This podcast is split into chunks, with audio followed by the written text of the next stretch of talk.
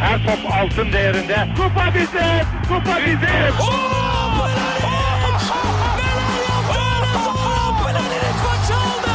Dengeli de attı. İsabetine buldu. Magna Fontervi. Zora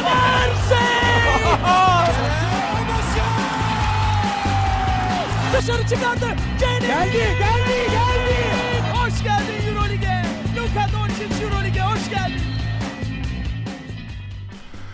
İkili Oyun'un 86. bölümünden herkese merhabalar. Ee, bizi uzun süredir takip edenler için bir sürpriz olacak herhalde. Programı ilk defa benim açıyor olmam.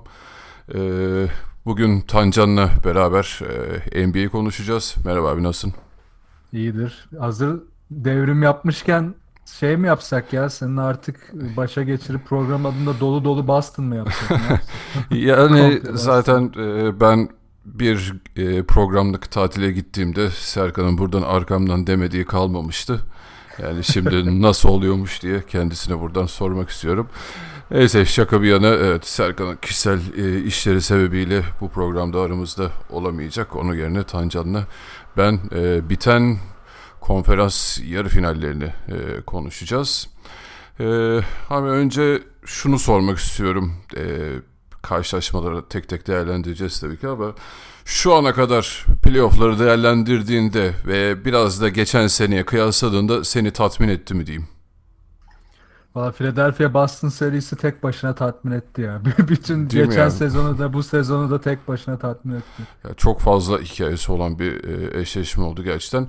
Yani diğer tarafta hani Cleveland, Toronto e, yani beklentilerimizin hem dışında kaldı diyebiliriz hem içinde kaldı diyebiliriz. Hani o, o Toronto'nun psikolojik olarak toparlayamaması ama Cleveland'ın e, ilk tura göre çok daha farklı bir hale gelmesi var. E, batı'da durum çok e, değişmedi yani orada büyük bir sürpriz yok ama ben de düşündüğüm zaman hani e, böyle 16-0'lık e, şeyler playoff'ları izlediğimiz için geçtiğimiz senette işte 16-1 16-0 hani e, o açıdan bakınca hiç de fena gitmiyor gibi geliyor bana bu sene. E, Kesinlikle öyle. o zaman eşleşmelerde başlayalım. Ee, doğudan başlayalım. Orada hikaye ve şey daha fazla haber daha fazla olduğu için e, Toronto Cleveland'da başlayalım o zaman. Ee, burada tabii şey haberini de vermek lazım. Ee, resmi açıklama yapıldığını bilmiyorum ama e, ESPN'den Woj'un haberi düştü hemen. E, koç Toronto koçu e, Dwayne Casey kovuldu haberi e, çıktı. Bununla beraber e, bunu da tabii göz e, ardı edemeyiz eşleşmeyi değerlendirirken. E, neler dersin Toronto Cleveland için? Valla çok hızlı oldu ya kovulma. Biraz beklerler mi diyordum da hiç düşünmediler. Galiba şey olacak yani daha önce yılın koçu seçilip ertesi sezon kovulanlar vardı. Ama ilk kez seçildiği sezonun sonunda hemen yani aynı sezon içinde kovulan ilk koç olacak sanırım. Evet, o biraz garip oldu ya ki Evet. e, Koçlar Birliği mi neydi bir yerde bir haber çıktı E, yılın koçu seçilmişti orada hani o NBA'in Evet. official şeyi değil ama e, Aynen. Bir Yani diğer koçların oy verdiği bir sistem o. Buradan Aha. da anlıyoruz ki diğer koçlar biraz böyle al gülüm ver gülüm işte ya bizim adamdır falan. Böyle bir ortam var gibi geldi bana orada. Yani tabii ne kadar ciddi alıyorlar onu bilmiyorum. Sanırım Brad Stevenson'a oy çıkmamış falan böyle bir şeyler duy- duymuştum o oylamada. Brad Stevens'a da söylemişler onu da o da hiç takmamış. Biz ödül için yapmıyoruz bu işi. Tabii böyle Türk ağzıyla söylememiş kibarca bizim derdimiz ödül değil biz Boston'ın geleceğini düşünüyoruz falan filan diye geçiştirmiş. Ama tabii işte ister istemez aklından geçiyordur yani böyle bir şey. Ee, niye olmaz nasıl olmaz diye ama tabii burası orası Türkiye değil o yüzden öyle goy goy çıkmıyor oradan çok. Ee, peki sen bu haberi nasıl değerlendiriyorsun? Yani e, haklı buluyor musun yoksa yok abi abarttılar mı dersin? Yo ben kovulmasını bekliyordum da bu kadar hızlı beklemiyordum. Yani en azından bir, bir iki hafta belki soğur hani biraz daha sezon başına doğru herhalde kovulur diyordum ama yok şey yapmadılar. Muhtemelen Toronto yönetimi de artık dayanamayacak noktaya gelmiş. Ama sadece bu iş koçta da bitmemeli.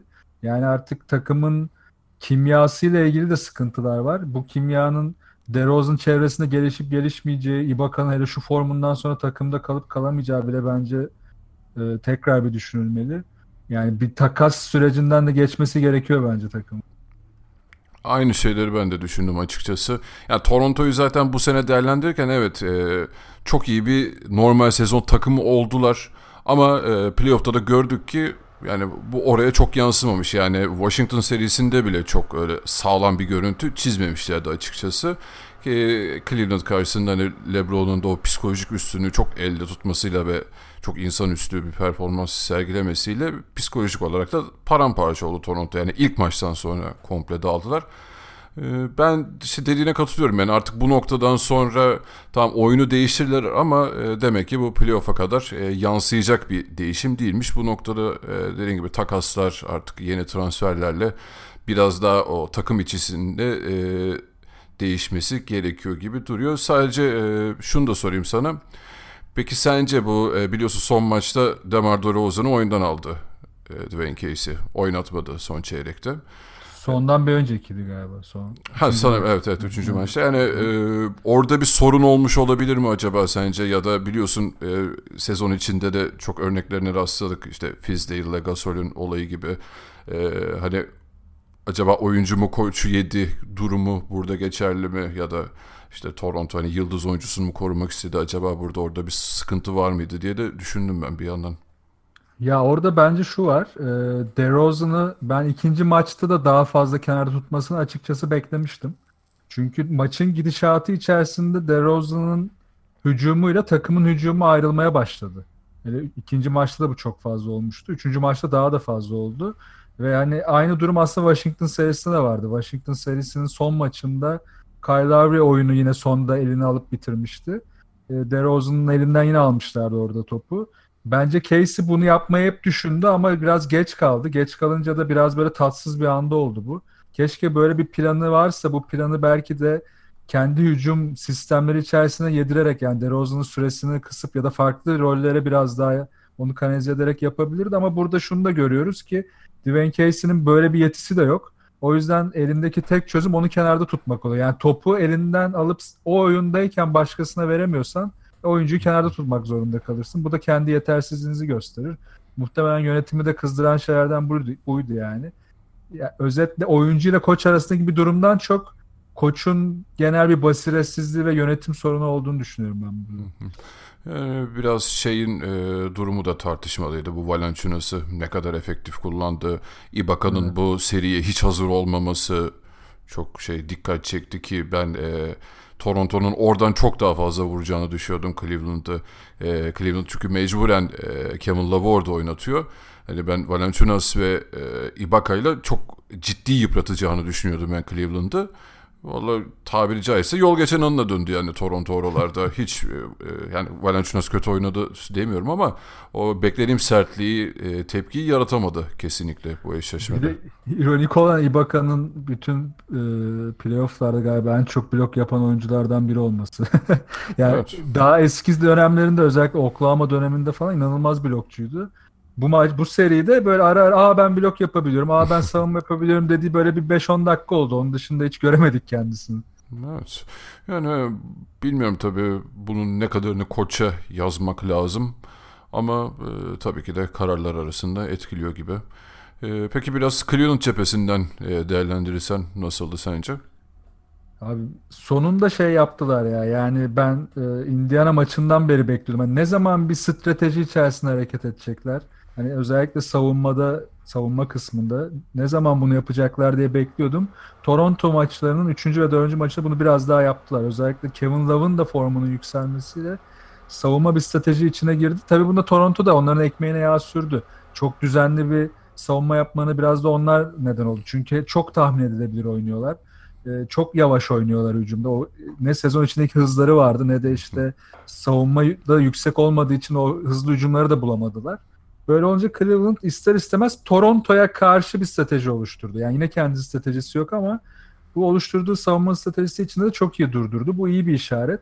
Özellikle hani şimdi Boston'a karşı oynayacaklar. Ee, yine o seriyi de konuşurken hani değiniriz ama Boston'a karşı bir savunma stratejiniz olmazsa ve bu düzgün işlemezse işiniz çok zor. O açıdan Cleveland'ı beğendim. Hani LeBron dışında biraz daha baktığımızda takıma da bence George Hill çok etkiliydi.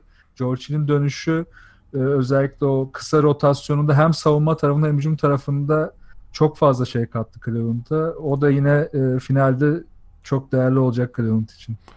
Aynen dediklerine ben de tamamen katılıyorum. Sadece tabii şeylerin e, ben bir katkısı olur mu diyordum işte Rodney Hood'ların falan hani bu yeni transferlerin ama yani sırf George Hill'in e, şey katkısı bile yetti. Yani zaten e, bunu bekliyorduk biz Cleveland'dan. Hani tamam LeBron merkezde ee, ve onun çevresinde oynayan bir takım bekliyorduk. İlk turda çevresinde de oynayan kimse yoktu. Yani bütün turu tek başına sırtladı neredeyse. kötüydü. Aynen.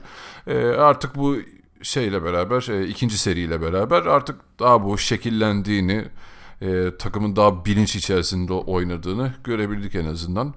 E, yani LeBron'da gerçekten daha ne yapacak derken bilmiyorum ya çok acayip yani şey e, yorumlarken çok zorlanıyorum ben artık. Yani o şeyi biliyorsun yine e, buzzer attığı e, şu panyalı attığı bir şut vardı ya. Evet aynen. Tek elle. Abi vücut evet. ya ayaklar e, dik dışarı bakıyor. e, torsodan itibaren bel üstü sağ tarafa ve o momentumla tek elle çat diye böyle hani Allah ben de bunu her gün atıyorum der gibi bıraktı. Yani bilmiyorum yani geçen o, hafta zaten hani bu hangi seviye falan diyorduk. Bilmiyorum yani daha da nereye götürecek artık bu işi. O biz denesek işte bilmem kaçıncı omurumuzda bilmem kaçında bir kırık falan olur. ya da böyle işte kalça spazmı falan geçiririz yani çok. Bayağı zor bir şuttu. Ama tabii LeBron James'in hani eskiden ilk Murat Maraton'a başlayan yok artık LeBron James döneminin artık bir 2-3 katı üstüne çıktığı maçları izliyoruz ve hani ya ben artık şey diyorum kendime ya ulan Jordan'ı canlı izledin. Bu da artık başka bir seviye. Bunu da izliyorsun. Belki bir 10-15 sene sonra işte 45-50 yaşımıza geldiğinde de başka birini izleyeceğiz ama bunu izlemek şu an için büyük keyif. O yüzden de kendimi şanslı hissediyorum artık. Kesinlikle öyle ya. Yani e, bunu kaçıran çok şey kaçırıyor artık. Ye, yeni nesil üzülür e, Lebron emekli olduktan Aynen. sonra. Aynen aynen. Ya çok şey kaçıyor. Bir de yani şeyin de artık anlamı kalmadı. Yani sağda solda görüyorum işte e, hala LeBron James'in işte ya Kobe mi daha iyi yoksa işte balon mu yok reklam mı şişiriliyor mu şöyle mi böyle mi? Yani biraz NBA dinamiklerinden uzak kalan kişilerin biraz da Türkiye ortamındaki iklimin NBA'ye benzetmeye çalışmasıyla oluşan bir şey bu. O yüzden hiç gerek yok bunlara. Yani LeBron James'i izleyin, keyfine varın. Çünkü eğer bu sene şampiyon olacaklarsa, hani bir şekilde şampiyon olacaklarsa hani minimum 8 maç daha bu seviyede oynayacak bir LeBron James izleyeceğiz. Ee, kaçmaz. Kesinlikle. Evet, e, artık Toronto'yu yerip Cleveland'ı öldükten sonra e, yarı finallerin e, en eğlenceli mi desem, en hikayeli mi desem e, karşılaşmasına gelelim. Philadelphia Boston. Boston'ın e, 4-1 galibiyetiyle sonuçlandı ve adını konferans finaline yazdırdı Boston. Yani şimdi öncelikle şunu söylemek istiyorum. Ee, Serkan'ın yayının başında burada olmadığını fark edenler e, herhalde bir düşünmeye başlamıştır. Acaba bu adam neden yoktu diye. Yani artık gelecek yüzü kalmadı Serkan'ın bu programa. yani bunu rahat rahat herhalde söyleyebiliriz. Özellikle 3. maçtaki bu konfeti rezaletinden sonra yani bir havalara girdiler yok alıyorduk bilmem ne falan. Yani işte böyle e, camia olarak falan bir, bir takım tatsızlık rezaletler. E, böyle de bir seri oldu. Yani e, Serkan burada bütün yıl boyunca Ben Simmons aşağı Ben Simmons yukarı falan gördük yani ak koyun kara koyun belli oldu. Diyeyim sözü sana bırakayım nasıl değerlendiriyorsun bu eşleşmeyi? Serkan çok çabaladı ya. Bir perde arkasında görünmeyen isim ama Philadelphia'ya o da yetmedi. Ya abi cidden yani bu seriyi izlemek çok zevkliydi ya. Yani geçen hafta da söylemiştik. Stratejik olarak bu maçları izlemek izleyene de çok şey katıyor. Hem çünkü kafa yormanızı gerektiriyor hem de e, bir yandan da zevk veriyor size. Yani bu serinin toplamına baktığımda ben e, özellikle geçen seneki o sıkıcı e, hatta finale kadar olan sıkıcı maçların üstüne bu sezonda bazı sıkıcı maçların üzerine bu seri cidden hani 7 maçlık bir seri gibi geldi bana. Yani Philadelphia için de şöyle bakmak lazım. Miami maçta Miami serisi de öyleydi. Bu seri de öyle. Yani ikisi de 4-1 e, bitti ama e, iki maçtan da 4-3'lük tecrübeyi kazandı Philadelphia. Yani geleceğe bakarken biraz bunu herhalde e, hanelerine olumlu olarak yazacaklar. Boston tarafında da herhalde artık e, sezon sonunda kimsenin umutla bakmadığı bir de sezon sonunu kötü oynarken giren bir takım olarak buraya gelmesi büyük sürpriz oldu. Yani Brad Stevens'ın işte her şey hazırlıklı olması demiştik. Cidden her şey hazırlıklı. Yani Brett Brown'ın hamlesini bekliyordum ben. Yaptı o hamleyi. Aslında çok doğru bir hamleydi. Yani McConnell'ı bir numaraya çekip işte Simmons'ı onunla beraber top yönlendirici olarak oynatıp Simmons'ın üzerinden biraz topun ağırlığını almaya çalıştı. Simmons'ı topsuz kullanmaya da çalıştı. Ama işte buna hazırlıklı olmazsanız, sezon içinde bunu düşünmezseniz bir anda uygulaması çok zor. Yani ben şurada şunu gördüm. Brett Brown sezon boyunca ya böyle iyi gidiyor ben başka bir şey planlamayayım demiş. Ve bu da onun için çok kötü oldu. Keşke planlasaymış. Keşke Ben Simmons'ın düşük olduğu alternatifleri McConnell'la birlikte daha önceden düşünseymiş. Covington'ın bu hale gelebileceği senaryolar için farklı hazırlıkları olsaymış. Ya da işte bakın şeye bile gelmiyorum. Yani son top oyunları olabilir, sıkıntı olabilir, tercih hataları olabilir ama burada daha fazla hazırlıksızlık var. O yüzden de bu seri Brett Brown hanesine çok eksi yazdı ama Philadelphia'nın hanesinde çok artı yazdı. O açıdan da e, iyi bir seri oldu iki takım için. Ya genel olarak zaten değerlendirirken yani e, şöyle bir şeyden dem vuruluyor. İşte hani Philadelphia'dan tecrübesizliği, işte rookie'ler, e, daha çaylaklar e, çok hazır olmadığı konuşuluyor. Ee, evet dediğin gibi çok fazla da tecrübe edindiler. Ben hani lan Ben Simmons balonu patladı falan diye kesinlikle değerlendirmiyoruz tabii ki. Bu Bunlar çok değerli tecrübeler. Buraları oynuyor oynuyor zaten bu oyuncular bir yere geliyor. Ama e, yani bu yorumu yaparken de aslında Boston'a haksızlık yapmamak lazım. Çünkü Boston'ın elinde de öyle bir nüve yok şu an. Jalen hmm. Brown, Tatum, hatta Terry Rozier falan bu herifler de veteran oyuncular değil ki. Bunlar da 20-21 yaşındaki adamlar. Yani e, bir işte Horford'un başını çektiği bir tecrübe var orada sadece. Onun haricinde işte hani Shane Larkin'i vesairesi hiç yani tecrübeli bir e, ekip yok zaten Brad Stevens'ın elinde de. O yüzden hani bu tecrübesizlik kısmında herkes Philadelphia'da e, Philadelphia yazıyor ama yani Boston'da da gerçekten böyle bir durum yok.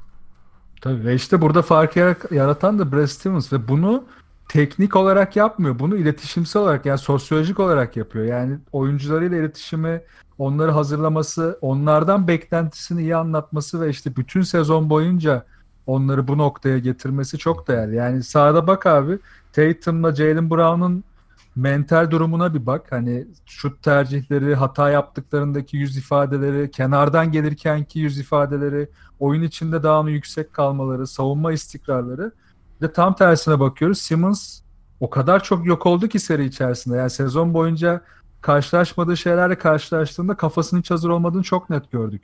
Tam tersi olarak da Embiid de aşırı özgüvenle kontrolü kaybetti. Yani hiç kanalize olamadı. Ya biraz da tabii plandan kopmanın vermiş olduğu e, durumda olabilir bence. Çünkü Philadelphia yani mesela bu seri öncesinde Philadelphia'nın e, şeyini ne olarak değerlendirdin? Hani en etkili hücum silahlarından biri. Yani Simmons'la açık sağ oyunu diyebilirdik. Tabii bir de Embiid yani işte başka bir de üçlükler.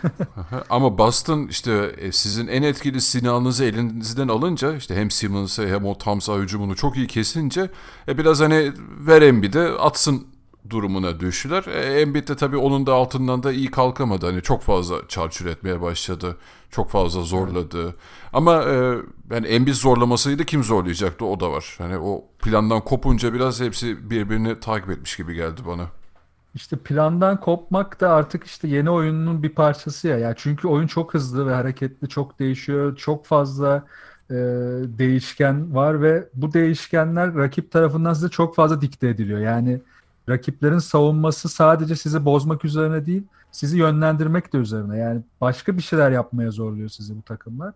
E böyle olunca da işte ilk ilk konu hazırlıklı olmaktı. İkinci konu da çizili yazılı planlar bozulduğunda nasıl oynayacağız? İşte burada da yaratıcı oyunculara güvenmeniz lazım. Onlara sezon içerisinde bu yaratıcılıklarını nasıl kullanacaklarını, diğer oyuncuları nasıl saha içinde görmeleri gerektiğini ve buna bağlı e, oyunları yaratabilmeyi öğretebilmeniz lazım. İşte yine Boston tarafında bunları görüyoruz ama burada işte tecrübe farkı da var. Horford gibi bir adam var.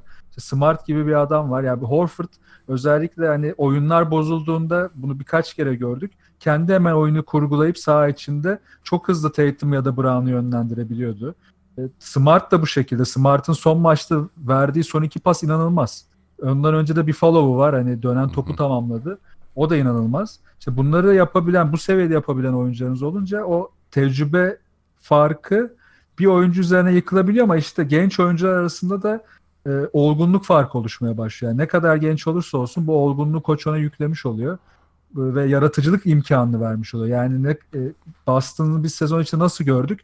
Daha böyle hücumda sabırlı, sakin, oyunları daha planlı oynamaya çalışan bir takımdır. Playoff'ta bunun tam tersine döndüler. Çünkü ne Milwaukee'yi ne Philadelphia'yı bu şekilde yenemeyeceklerini biliyorlardı. Bu da oyunculara daha çok özgürlük vererek sağlandı biraz da. Evet ya ben şey gerçekten e, beklentilerin çok üzerinde çıktı diye düşünüyorum ya Tatum. Yani şeye çok benzetiyorum ben. E, hani Brad Stevens'ın oyuncu hali gibi. Abi bu nasıl bir rahatlık ya? Bu nasıl bir cool'luk yani? Biliyorsun Brad Stevens de kenarda hiç tepki vermeyen bir adamdır yani. Evet, yani. Buz adam gibi ne sevilir ne üzülür. Öyle hani şey buzzer atıldığında bile böyle arkasını döner gider patlamaya bakmıyormuş gibi sanki o cool adam şey gibi. Tatum da öyle abi yani şu seri boyunca bir kere mi etkilenmezsin ya? Ya bu tespitinden şunu işte çıkarabiliriz. Kesinlikle rol modeli zaten hani Brad Stevens adamın. Yani belli çok örnek alıyor ondan. Ve bu da çok işine yarıyor. yani evet gerçekten e, Danny Ainge e, bu seçiminde hani, turneyi gözünden vurmuş diyelim yani. Çünkü tartışılmıştı hani Boston birinci sırayı verince Philadelphia'ya Fultz için. Evet, ee, ve maçın sonunda ikisinin yan yana geldiği sahne çok anlamlı oldu o yüzden. Evet. Muhabbet ediyorlar. ee, peki şey bekliyor muydun hiç Philadelphia'da Fultz'un oynamasını hani işler bu kadar e, sarpa sarmışken hiç mi şans verilemezdi? Ya işte bunu ben yine yine hazırlıksızlık diyeceğim. Fultz'u da bu seviyede bence ne alacağını ya da ne yapabileceğini ki idmanları da görüyordur. Çok güvenemediğini düşünüyorum. O yüzden hani McConnell'ı Fultz'u değil de McConnell'ı belki de ilk maçtan itibaren daha erken bu seviyede kullanabilirdi. Fultz'u da en azından hani Miami maçlarında yaptığı gibi birkaç çeyreğin sonunda yine değerlendirebilirdi. En azından ne yapabileceğini top kullanmasa bile oyuna belki daha fazla yön verir. Çünkü en azından Fultz adamı eksilttiğinde çembere daha istikrarlı gidebiliyor. E, Simmons'ın çok kez gidemediğini gördük ve gidemediği pozisyonların e, belirli bir yüzdesi de hep top kaybına dönüştü. Ya da hücum faale dönüştü. Yani bunlar hep olumsuz sonuçlandı.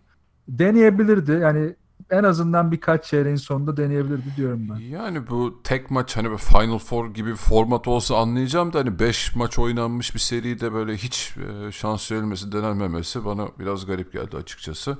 E, bu arada bilmiyorum haberin var mı? E, Philadelphia şeyin e, opsiyonu elindeymiş McConnell'ın sözleşmesini uzatmış. Ha uzatmış evet duydum. Evet, öyle bir haber Güzel çıktı. Haber. Ki evet. onda sözleşmesi çok düşük şu anda. Karlı oldu onlar için bayağı. tabii tabii bayağı şey e, steel derler yani. Aynen. Şey e, ucuza kaliteli oyuncu kapmış gibi oldular. E, yani Philadelphia'ya bakarken benim şey çok büyük hayal kırıklığı da tabii Covington'ın bu seriden silinmesi.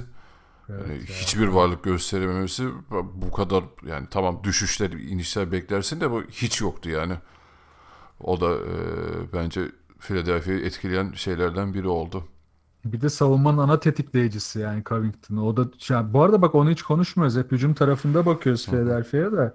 Philadelphia'nın sezon boyunca yaptığı savunmanın yani hiçbir kısmını göremedik bu seride ya. Yani Covington ana tetikleyici. Zaten onunla beraber böyle domino taşı gibi düştü savunmaları. Biraz işte kazandıkları maçta daha iyiydi. Boyalı alanda çok büyük üstünlük kurdular. 52-30'du sanırım.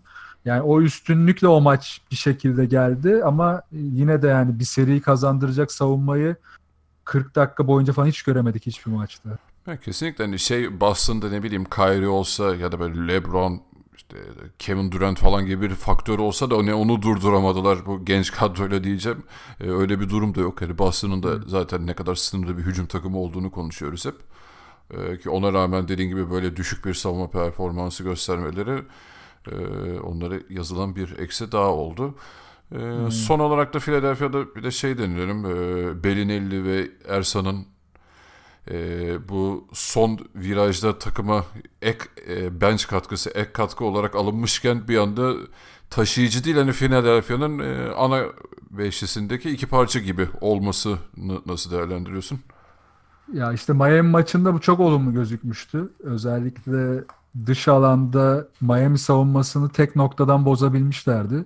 Ki bunu Spoelstra çözmesine rağmen elinde bunu durduracak malzeme yoktu. Boston'da malzeme olunca iki oyuncuyu da iyi durdurdular. Yani bir an şey oldu böyle hani sezon içinde de bu tip şeyleri görürüz. Oyuncu bir anda çok yüksek performans verir. Kontrat senesidir. Hani kontratı kapmaya çalışır. Ama bu iki oyuncunun Philadelphia'nın sürükleyicisi konumuna gelmesi çok doğru bir şey değil. Yani bir şeylerin yanlış olduğunu düşündürtüyordu. Bunu da gördük Boston serisinde. Hani Miami maçını Miami serisini kazansalar bile Boston serisinde zorlandılar ve bu iki oyuncunun etkinliği çok düştü. Evet Belinelli çok kritik bir şut soktu. Hani bir tane de olsa. Zaten aslında Belinelli'nin yapması gereken bu. Hani yani, Belinelli evet. E, kritik anda bulacağı bir 10 sayı, bulacağı bir kritik üçlük, son saniye topu falan. Daha da ironik tarafı elinizde böyle oyuncu varken Ersan da bu yönde iyiydi. Özellikle hücum reboundları kısmına da çok etkiliydi. Onu da hiç bastın ben orada. Ersan'ın savunmasını da beğendim seri boyunca ya. Hani Aynen, çok elit çok... demeyeyim ama ya bayağı bir yıprattı Boston'ın şeyini, e, hücumunu. Aynen. Savunma kısmı zaten en, en faydalı yeriydi ama işte rebound kısmında Boston onu sindirmeyi başardı. Özellikle Miami serisini hatırla çok fazla hücum rebound evet. alıyordu. Ama ironik olan şu işte e, son topların hiçbiri ne Belinelli'ye gitti ne işte ne bileyim yine Şariç'e gitti. Şariç de Miami serisinin yıldızıydı ki son maçı da çok iyi oynuyordu Şariç. Yani son topların hiçbirini alamadılar. Şimdi burada bu konuda çok tartışıldı. Hani e, seriyi kapatmadan ona da değineyim. İşte Brad Stevens'ın muhteşem oyunu üzerine işte Brett Brown'un top kaybıyla sonuçlanan bir oyunu ve işte yine pardon iki oyunu daha doğrusu son maçta da yine e, bir top kaybetti. İşte buradaki fark şu. Stevens bir bütün set çizmiyor. Yani işte yaklaşık 4-5 pasın döneceği ya da belli 3-4 pikin olup işte birkaç oyuncunun bitirmeye çalışacağı bir set çizmiyor. Yani o kadar çok alternatif var ki oyunun içinde. İşte bu alternatiflerden herhangi biri topu aldığında hep bit- bitirebilecek ya da işte hep oyunu oynayabilecek noktada oluyor. Brett Brown'da ise tam tersi. Yani o kafasında bir isim var ve o top o isme gitmeli. Eğer o isme gidemezse o setteki her şey karışıyor. Kafalar karışıyor ve tek opsiyon var. İşte at Simmons, at Finke gibi bir durum oluyor. O yüzden iki oyunda çok e, kötü oynandı.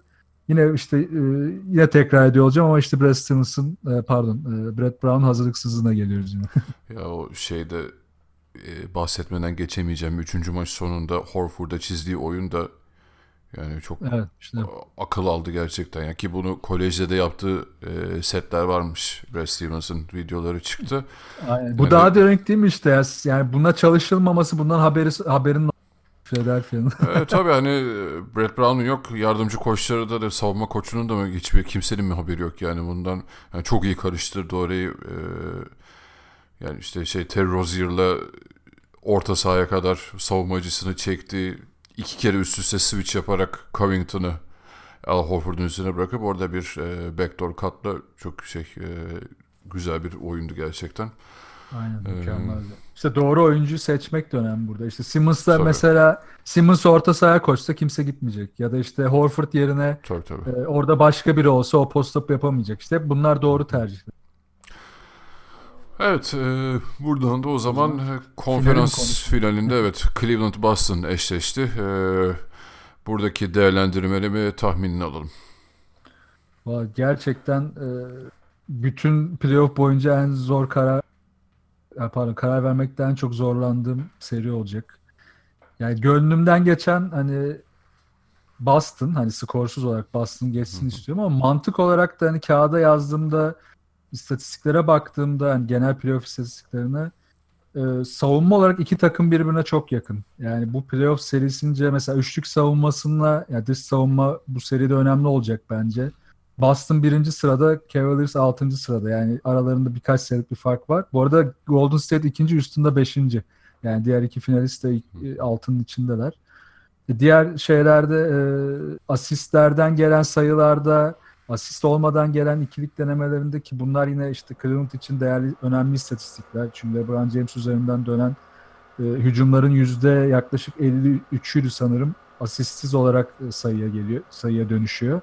Bunları durduracak malzemeler Boston elinde var. Yani LeBron James'i yavaşlatacak ve diğer oyuncuların onunla bağlantısını kesebilecek savunma hareketliliği de var. Help and recover sistemleri de var. O yüzden hani Cleveland'ı Indiana'dan sonra en çok zorlayabilecek takım bence Boston olacak ve hatta yenebilecek takım da Boston olacak. O yüzden hani Umut kafamdan geçen, yani. aynen kafamdan geçen sonuç Boston 4-3. Biraz hani bilmiyorum oraya kadar uzar mı bu serilerden sonra ama e, bu sonuç çıkarsa şaşırmayacağım açıkçası. Ya, kaydediyoruz o zaman bak 4-3 Boston diye. Emin misin? Kaydet. Kaydet. Atmayız burayı kurgu. Valla ben hani e, aslında bu şeye kadar ben e, hani hep Boston'ın karşısındaki rakibi veriyordum. Hani Milwaukee serisini bilmiştim de Philadelphia'nın ben geçeceğini söylemiştim tahminlerimde. E, sırf hani hiç onu jinx etmeyeyim diye burada da Cleveland diyesim geliyor ama e, artık şu Philadelphia serisini gördükten sonra da ben de 4-3 diyeceğim ya. Ya bir tek Boston. tabii evet ben de Boston diyorum. Ya tabii ki de Cleveland alırsa da kimse şaşırmayacak. Yani özellikle LeBron'un şu performansından sonra. Ya, e, ya zaten benim kafamı en çok kurcalayan o. E, yani LeBron'u kimle eşleştirecek Brad Stevenson? Ya herkesle eşleştirebilir. Yani şu istatistik üzerinden bu konuya geleyim. Şimdi Boston'ın e, %46 ile iki- iki- %46 ile pardon hücumundaki sayıların %46'sını asist ve e, boyalı alandan buluyor. Asist üzerinden boyalı alanda buluyor. Cleveland da %41 ile buluyor. Yani şimdi demin yanlış söyledim bu arada. 50, 53 dedim değil mi? Çok atmışım. 41 olacaktı. E, şimdi buradaki fark şu. E, yüzdesi olarak değil de işte Ba- Cleveland'ın Boston'ı durdurmak için bir stratejiye ihtiyacı var. Yani savunma stratejisini kesinlikle tak- Boston'a göre değil kendi stratejisini Boston'a dayatmak zorunda savunmada. Boston Boston'da ise ana kurgu yine bence LeBron James üzerinden dönmeyecek. Takım savunması üzerinden dönecek. O yüzden LeBron James'in karşısına Philadelphia serisinde gördüğümüz gibi Horford'u da getirebilir, Smart'ı da getirebilir, Morris'i de getirebilir, Jalen Brown da getirebilir. Yer yer Tatum bile getirebilir. Yani bu adamların hepsi zaten onun savunması switch edebilecek seviyede. Smart hariç hani post-up savunmasında. Ama Smart da e, onu psikolojik olarak etkileyebilecek e, özelliklere sahip. Oraları karıştırır. Aynen oraları karıştıracak. O yüzden Boston Cleveland'a yapacağı savunma bir strateji içinde takımı durdurmak üzerineyken Cleveland'ın ne yapacağını ben çok merak ediyorum. Yani Boston'ın bu organize savunmasını onların da bir organizasyona cevap vermesi lazım. Burada da işte biraz e, Lue'nun e, yetisini göreceğiz. Yani var mı? Şunu e, benim çok içime sinmedi açıkçası ama şöyle söyleyeyim. Şimdi Cleveland'ın bu seride gerçekten çok iyi savunma yapması gerekiyor mu? Çünkü Cleveland zaten e, hücum takımı. LeBron etrafında şekillenmiş bir şekilde. Hani o da zaten durdurulamaz güç modunda oynadığı için bu aralar. Yani Boston'ın zaten hani elinde Hayward'ı, e, Kyrie'si yok. E, Cleveland'ın gerçekten böyle e, savunmada çok daha bir ya da bir üst seviye çıkması gerekir mi sence? Yani şart mı? Yoksa sadece o hücumla da götürebilir mi? Çünkü diğer taraftan hani Boston'ın e, daha kısıtlı bir hücumu var diyoruz. Bu iki yıldızı olmadan da özellikle bu playoff eşleşmelerinde daha çok hissediliyor bu eksiklikler. E, gerçekten düşündüm ben orada hani Cleveland yine aynı seviyede tutsa savunmayı ve hücumu yine e, Toronto seviyesindeki gibi devam ettirirse bu Boston'ı geçmek için yeterli olur mu diye düşündüm ben. Bu sorunun yanıtını Kevin Love verecek bize diyeyim ben de o zaman. ya Kevin Love ve hatta George Hill artı J.R. Smith e, statik bir şeye ulaşabilirse yani stabil bir şeye ulaşabilirse hücumda evet hücumla götürebilirler. Bunu sezon içinde gördük. 120-130 sayılara çıktıkları yüksek yüzleri üçlük attıkları maçları aldılar. Çok rahat aldılar hem de. Ki geçen sene de bu böyleydi ki orada Kyrie Irving Tabii, tabii. faktörü de vardı. Ama bu Boston'a karşı bunu yapabileceklerini ben pek düşünmüyorum ya. Yani Kevin Love'ın çok üst düzey oynaması lazım. Bütün maçları üstüne J.R. Smith'in istikrarı şut sokması lazım. George Hill'in istikrarı olarak daha mı delici olması lazım ve savunma dengesini bozması lazım. Üzerine de son maçta e, Tatum ve Brown bu arada field golleri %77 ve 53'tü. Yani inanılmaz yüzdelerle oynadılar. Şimdi Boston'da hücumda sınırlı diyoruz ama bu sınır en üst seviyesinde şu anda. Yani %80'lik bir potansiyeli varsa hücumda şu anda %70'lik bir potansiyeli varsa %70'ini de kullanıyorlar.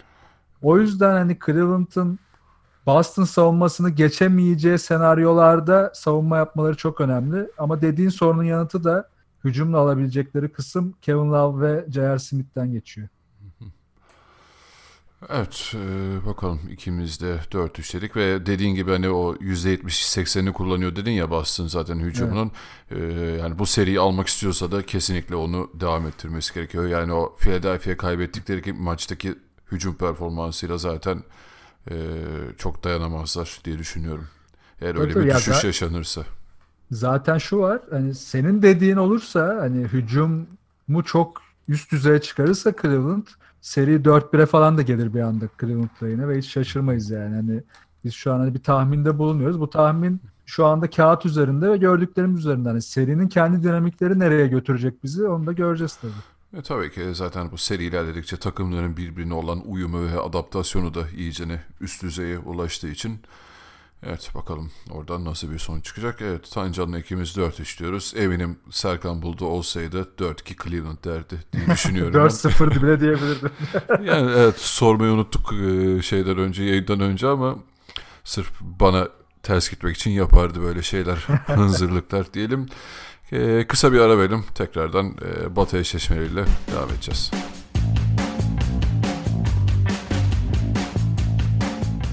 Evet, Batı eşleşmeleriyle devam ediyoruz. Ee, Burada da iki seri e, 4-1 ile bitti. Fazla bir sürpriz yaşanmadı diyebiliriz e, Batı eşleşmelerinde.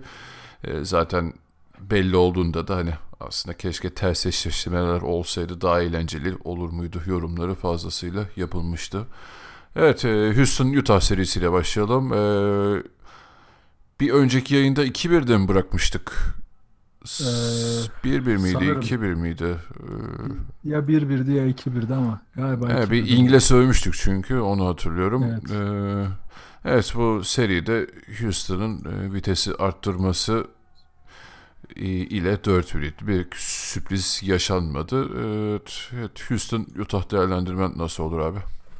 Yani Utah tabii yani sakatlık şanssızlıklarına bir kenara bırakıp bu seriye bakmak lazım. Yani gerçekten Rubio üzerine de bu arada Donovan Mitchell'ın son maçtaki sakatlığı da çok kritikti. Hani maçı öyle bir ivmeye getirmişti ki Evet. yani çok güzel bir son çeyrek izleyecektik. Ee, onun yerine Chris Paul'un restlerini izledik. Yani Mitchell'a da yazık oldu orada. Üzerine işte Rubio, on, işte ondan önce Dante Exum'un sakatlığı son maçtan önce. Hepsi Utah'ın bütün hasta sistemini, planlarını bozdu. Yani sezon içinde övdüğümüz o işte üç ayaklı hücum sistemi Ingles, Mitchell ve Rubio üzerinden dönen ve hepsinin farklı oyunları oyunun her e, hücumunda en iyi şekilde kullanabildiği bu üçlünün e, ikisi bozulunca, biri de son maçta bozulunca iç iyice kontrolden çıktı Utah için özellikle hücum tarafında. Savunma tarafında da aslında çıktı. Hani Rubio'nun e, geriye sararsak Avrupa Şampiyonası dönemindeki savunma seviyesiyle son dönemdeki savunma seviyesi arasında herhalde bir 4-5 e, boy fark var. Yani Rubio'nun bu seride olması özellikle Houston'ın pick and roll'lerindeki sıkıştırmalarda çok etkili olabilirdi. Ya da işte farklı forvet oyunlarındaki savunmalarında özellikle dipten gelen yardımlarda çok yavaş kaldı Utah. Burayı e, maden gibi kazıdı Houston. O yüzden savunmaları da çok etkilendi ve hani bu seriyi e, çok daha stratejik, çok daha detaylı konuşabilecekken hani e, fazla bize bir malzeme vermeden bitirmek zorunda kaldık. O yüzden hani biraz sonra son maç üzerinden gideceğim. Hani skor 3-2'ye gelseydi ne olurdu? E, gerçekten mükemmel bir 6. maç izlerdik. E, ama yine de Houston seriyi bitirirdi her ihtimal e, her ihtimalde de. Mitchell'ın o 3. çeyrekteki çıkışı, son çeyreğe oyunu taşıması ya. Tek çeyrekte 22 sayı attı. Ya bu bir çeyrek için çok top bir performans. Ee, Zaten hani birçok istatistiği de diğer eski çayraklardan almıştı bu playoff serisinde.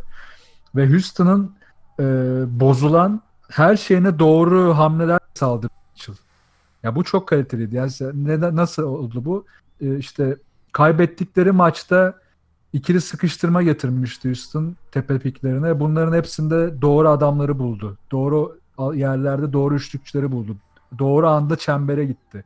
Daha sonraki maçta yine bu hatadan Houston çekildi ama bu sefer de onların hücumda yavaş yavaşlatmasına neden olacak hücum tercihlerini yaptı. Yani daha te- daha nasıl diyeyim olgun hücumlar kullandı. Daha seçerek attı.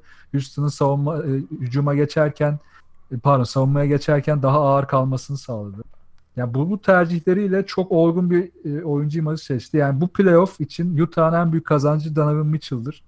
e, Houston için de seri oldu ama hani Utah bu açıdan bakarsak ben cidden çok başarılı buluyorum. Ya kesinlikle zaten e, takdir edilecek çok fazla iş yaptı Utah hem kulüp olarak hem oyuncu bazında. Ya dediğin gibi zaten bu seneki çaylakların özgüveni beni benden alıyor. Hani şeyi saymazsak Ben Simmons'ı bu e, Boston evet. serisini saymazsak yani e, ilk senesini geçiren oyuncular için işte Mitchell, Simmons, Tatum falan yani çok hepsi çok özgüvenli, çok takımlarını sırtlayan performanslar sergiledi. Ki Donovan Mitchell'ın bir de e, oyun tarzı olmamasına rağmen bu seride bir de e, Ricky Rubio olmayınca o top yönlendirici rollere falan da kapamaya çalışması daha da takdire şayandı. Yani bu kadar genç ilk senesindeki bir oyuncunun e, işte hem skor yükünü hem oyun kurma e, taraflarına da el atması falan yani gerçekten hani saygıdan başka hiçbir şey hak etmiyor bu adam. E, çok yani ileride nereye kadar çıkacak bilmiyorum ama e, yani bu ilk sezonda gerçekten hepimizi çok etkiledi. Ya on e, sadece Mitchell değil hani İngiliz'in bile bu seride geçirdiği değişimler bence çok olumluydu. E, hani sadece sabit bir e, şutörken bu seride çok daha fazlasını yapabileceğini gösterdi bize diye düşünüyorum. Evet ya. Ne kadar hareketli ve ne kadar sağ görüşünü bu hareketlilik üzerinden aslında yaratabildiğini bize gösterdi. Yani bu oyuncuyu eksiltmeden hani bir asist imkanı yaratmanız yeni oyunda çok zor. Ve İngiliz de bunun farkında. Ya yanında Rubio olmayınca bunları daha da gösterebilir hale geldi. Çok değerli cidden dediğim gibi.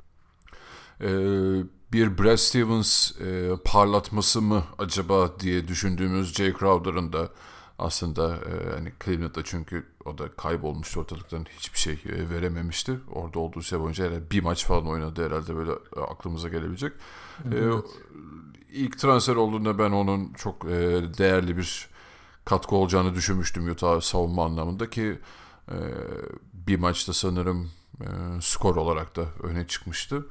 E, ki evet gerçekten e, cuk oturan bir e, katkı e, parça olmuştu ama evet genel olarak baktığımızda yani Houston'ın bu seriyi geçeceği ki Utah'ın bu kadar e, kolu kanadı kırılmışken bu e, normal sezonun son 3 ayındaki falan mucizevi e, performanstaki e, değerli katkılarını e, oyuncularını kaybetmişken burada da Houston Rocket gibi bir e, gücün karşısına çıkması onlar açısından e, talihsizlik oldu ama gelecek için tabii yine de e, olumlu sinyaller verdi Houston, e, pardon Utah açacağız bize.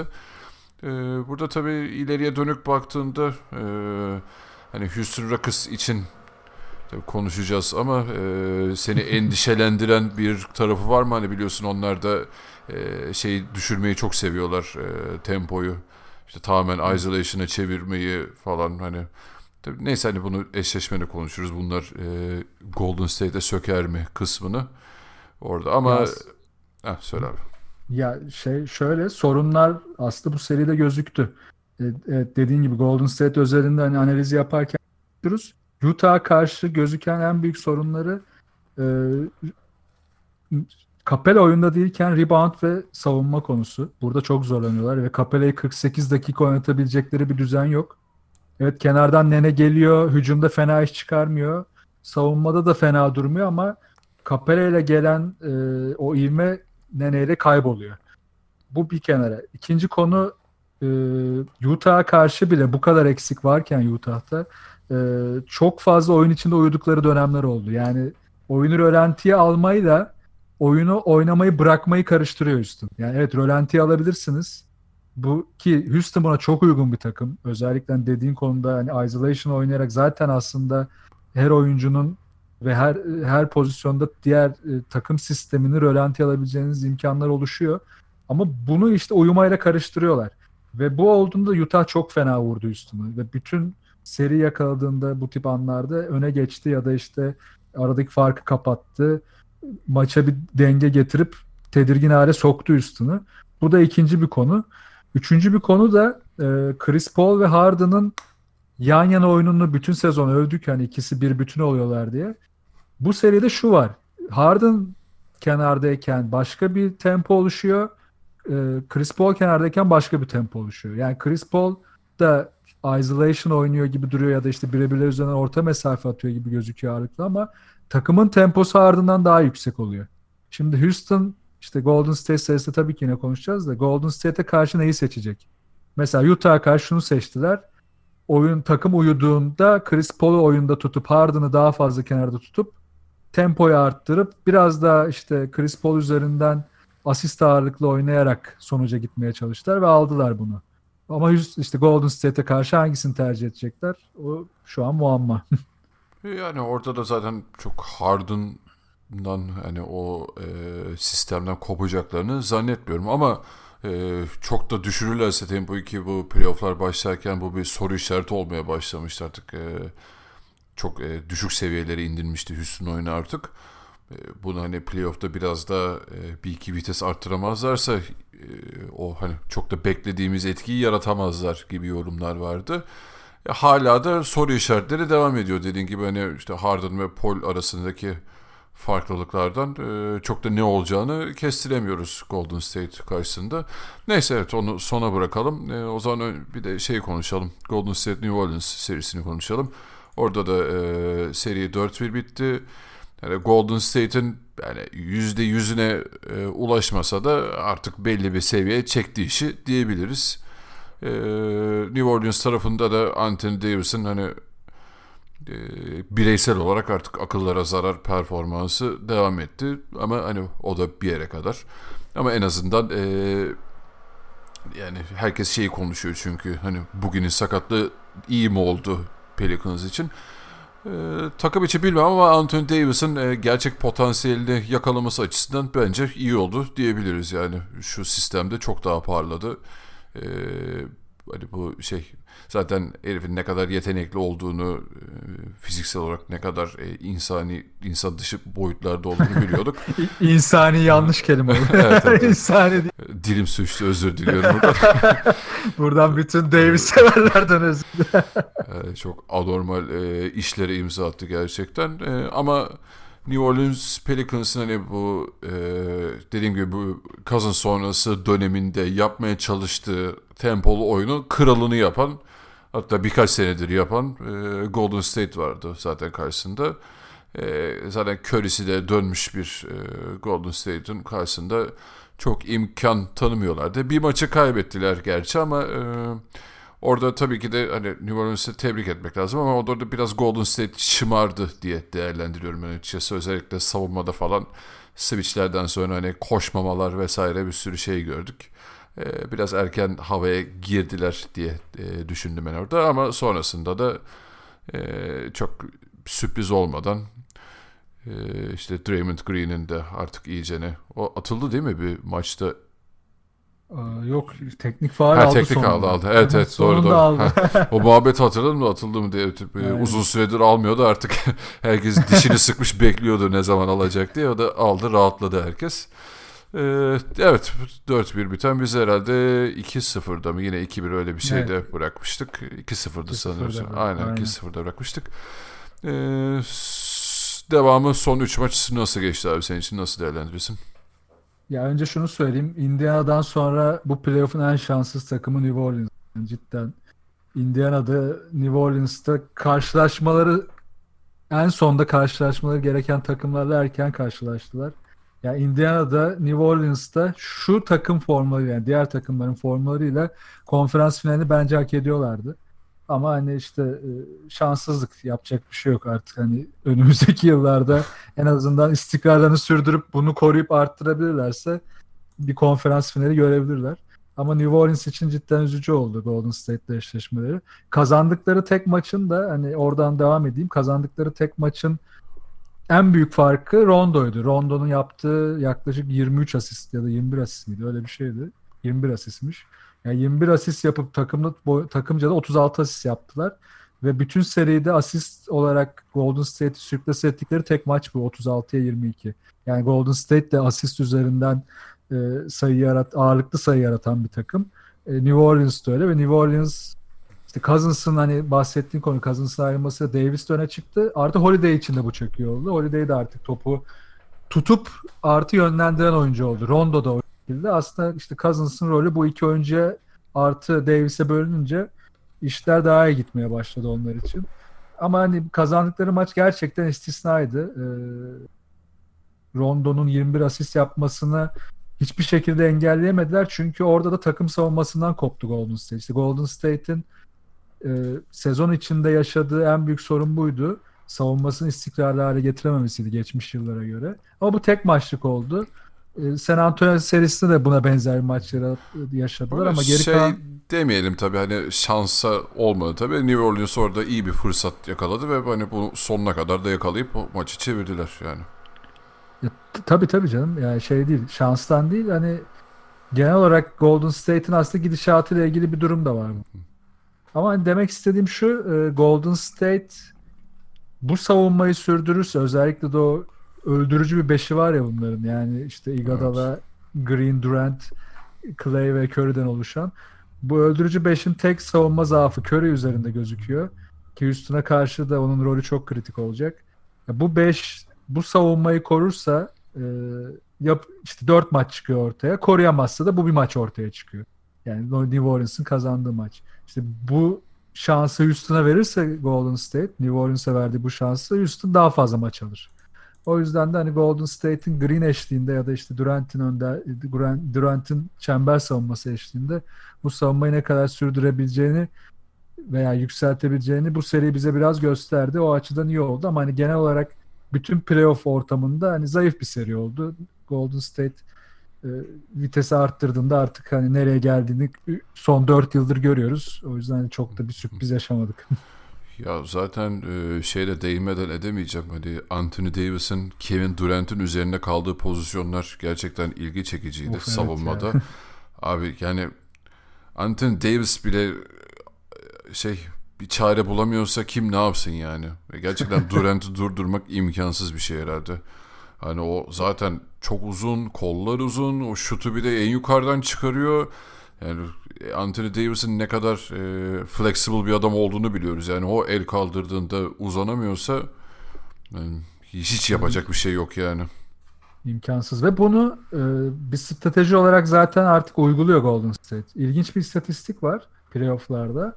E, en fazla hücumlarında ikilik deneme yüzdesi yüksek takım Golden State. Yani en fazla yüzdeye sahip kendi hücumları içerisinde. Üçlük denemelerinde de playoff takımları içerisinde daha aşağıdalar. Yani ilk üçte değiller. E, bunu da işte Durant üzerinden yapıyorlar. Durant'in özellikle boyalı alana yaklaştığı bölgelerde çok fazla e, bir orta mesafe deneme stratejileri var. Ve bunu da hani özellikle yapıyorlar çünkü Holiday savunuyordu onu zaten maçta. Bunu Houston'a karşı da yapabilirler. Çünkü onun savunmacıları yine Tucker, Ereza gibi adamlar olacağı için onun üzerine onların da üzerine çıkabilecek.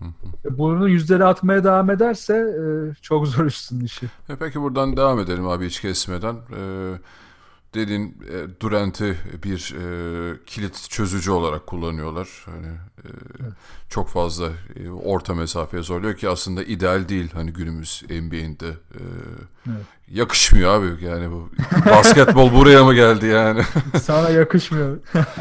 Ee, evet Durant yani zaten orada konuştuğumuz gibi durdurulamaz bir güç olduğu için yani çok da yüzdeli oynuyor. Ee, zaten şu an e, playofflarda da takımın e, sayı yükünü o çekiyor. Ee, peki bu Houston eşleşmesinde de yine buna yakın bir Golden State Warriors e, şey mi izleriz? Planlaması mı izleriz hücumda?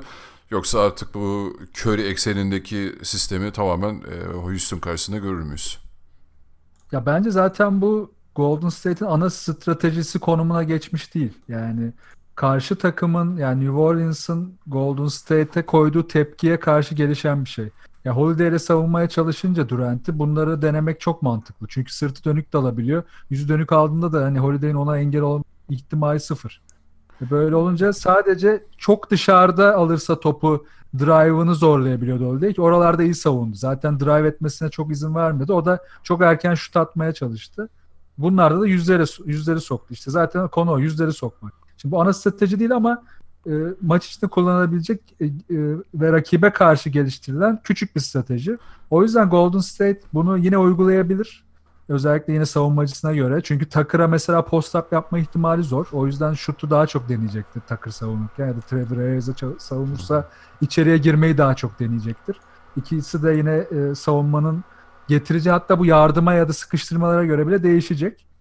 O yüzden bu bence ana strateji olmayacak. E, dediğine gelirsem de hani Curry'nin dışarıdan e, Curry ile Curry'e bağlı dışarıda oynanan ve Clay'in yine topsuz oyunları üzerinden oynanan hücumlar Golden State'in ana ritmini oluşturacak. Ama şunu bence kesinlikle deneyecekler yine sezon içinde gördüğümüz. Curry ve Durant oyundayken ikisinin birbirine yapacağı screenler çok önemli. Çünkü Golden State e, pardon Houston Rockets switch temelli oynuyor bu pick and roll savunmasının tamamını ki sıkıştırma yapmaya çalıştıklarında çok aciz duruma düştüklerini gördük Utah karşısında. Bir daha bunu yapacaklarını zannetmiyorum. Her iki Golden State'e yaparlarsa geçmiş olsun. Oh, mahvederler abi. Aynen parçalarlar. Yapmayacakları için Curry ve Durant'in birbiri arasında yapacağı switchler işte Durant'in karşısına kimi getireceğini çok değiştirecek. Yani Chris Paul da gelebilir, Harden da gelebilir. Çok ilginç eşleşmeler olabilir orada. O çok önemli. Bunu kullanacaklardır ve topsuz taraftaki katlar e, pardon screenler de çok önemli Clay üzerinden. Yani Clay'in savunmacısının da işi zor. O yüzden hani Golden State ana stratejisini koruyup Houston'a karşı çok fazla küçük farklı strateji geliştirecektir bu seride.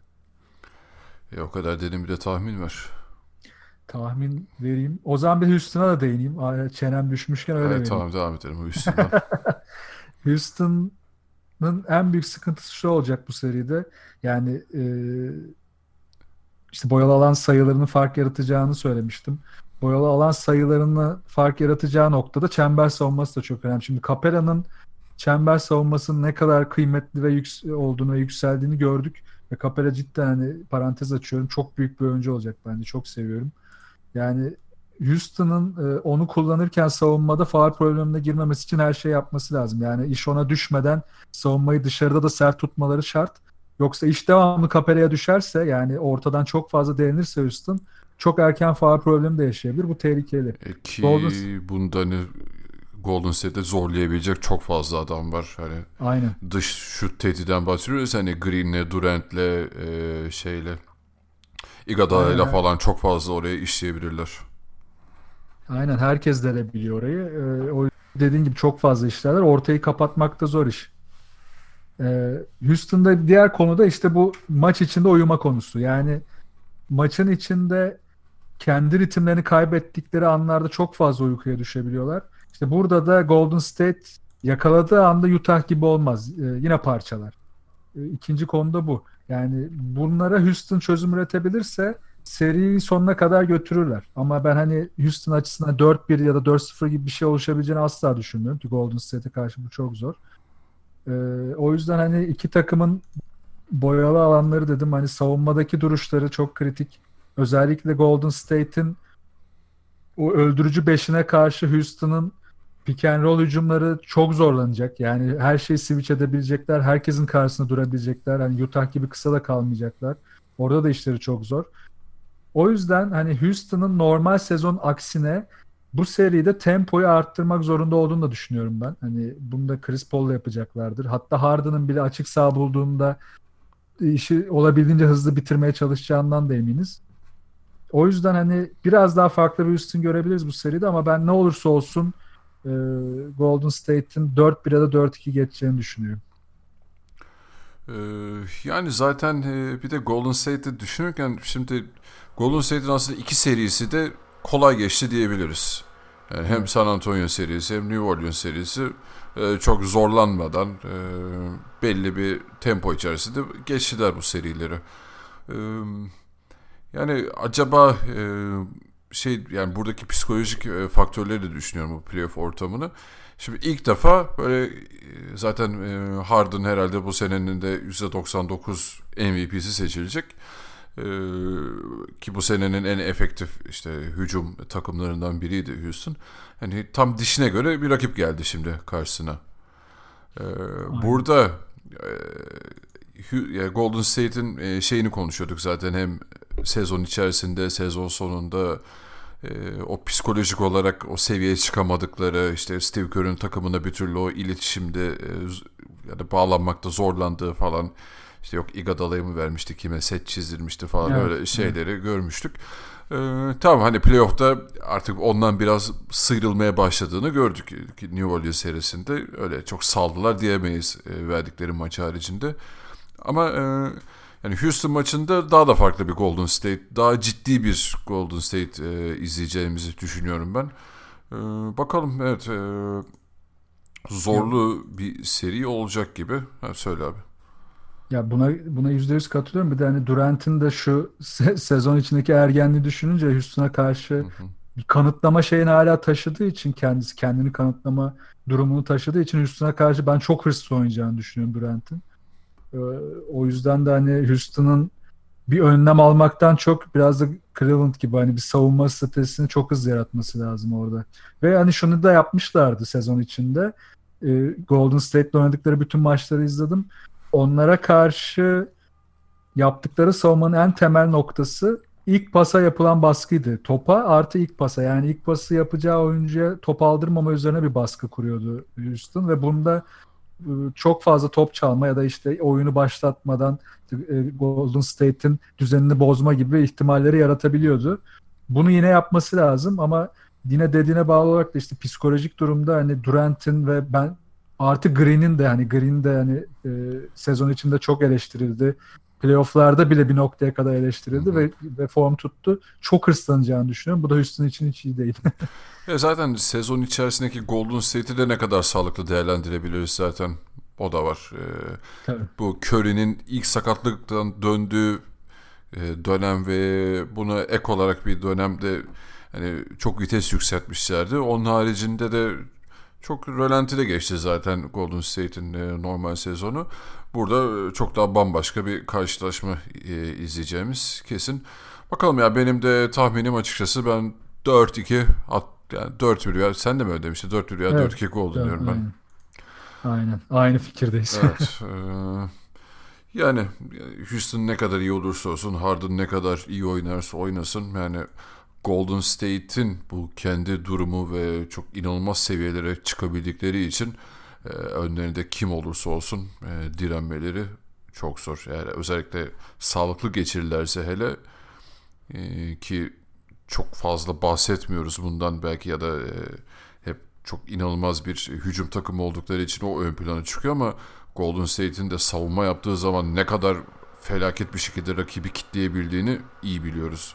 Geçen sene de bunu Klay Thompson bize e, çok güzel göstermişti. Özellikle hani Draymond Green falan zaten yapabiliyor ona bir şey demiyorum ama e, bakalım umarım bu seride de o seviyeleri tekrar görürüz diyelim. Ve evet ikimizin tahminine göre de Golden State Boston finali hayırlı olsun. Bu eşleşmeye ne diyorsun? Ser, Serkan Mutlu'ya hayırlı olsun diyorum. Abi o eşleşme olsun da konuşuruz ya. O eşleşme çok şaka konuşuruz. yapıyorum zaten. Bitiriyormuşuz burada sezonu son yayını. evet. O zaman bir ara verip kapatalım.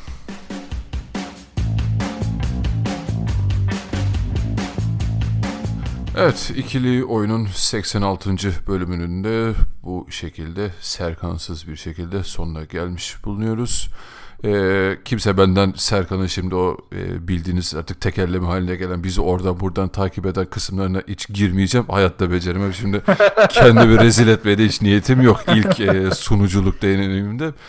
Ee, Artık ezberlemiştir herkes herhalde ya. ya işte Serkan. Telegram, Twitter, Soundcloud, Evet. Power App biliyorsunuz yani adresleri ikili oyun yazın geliyor oralardan. Hafta sonları Kadıköy'deyiz falan hani. Ee, evet abi ağzına sağlık. O zaman e, gelecek hafta gelecek hafta Serkan'la beraber tekrar 3 kişi görüşmek üzere diyelim. Ee, kendinize iyi bakın ve hoşçakalın. Hoşçakalın görüşürüz.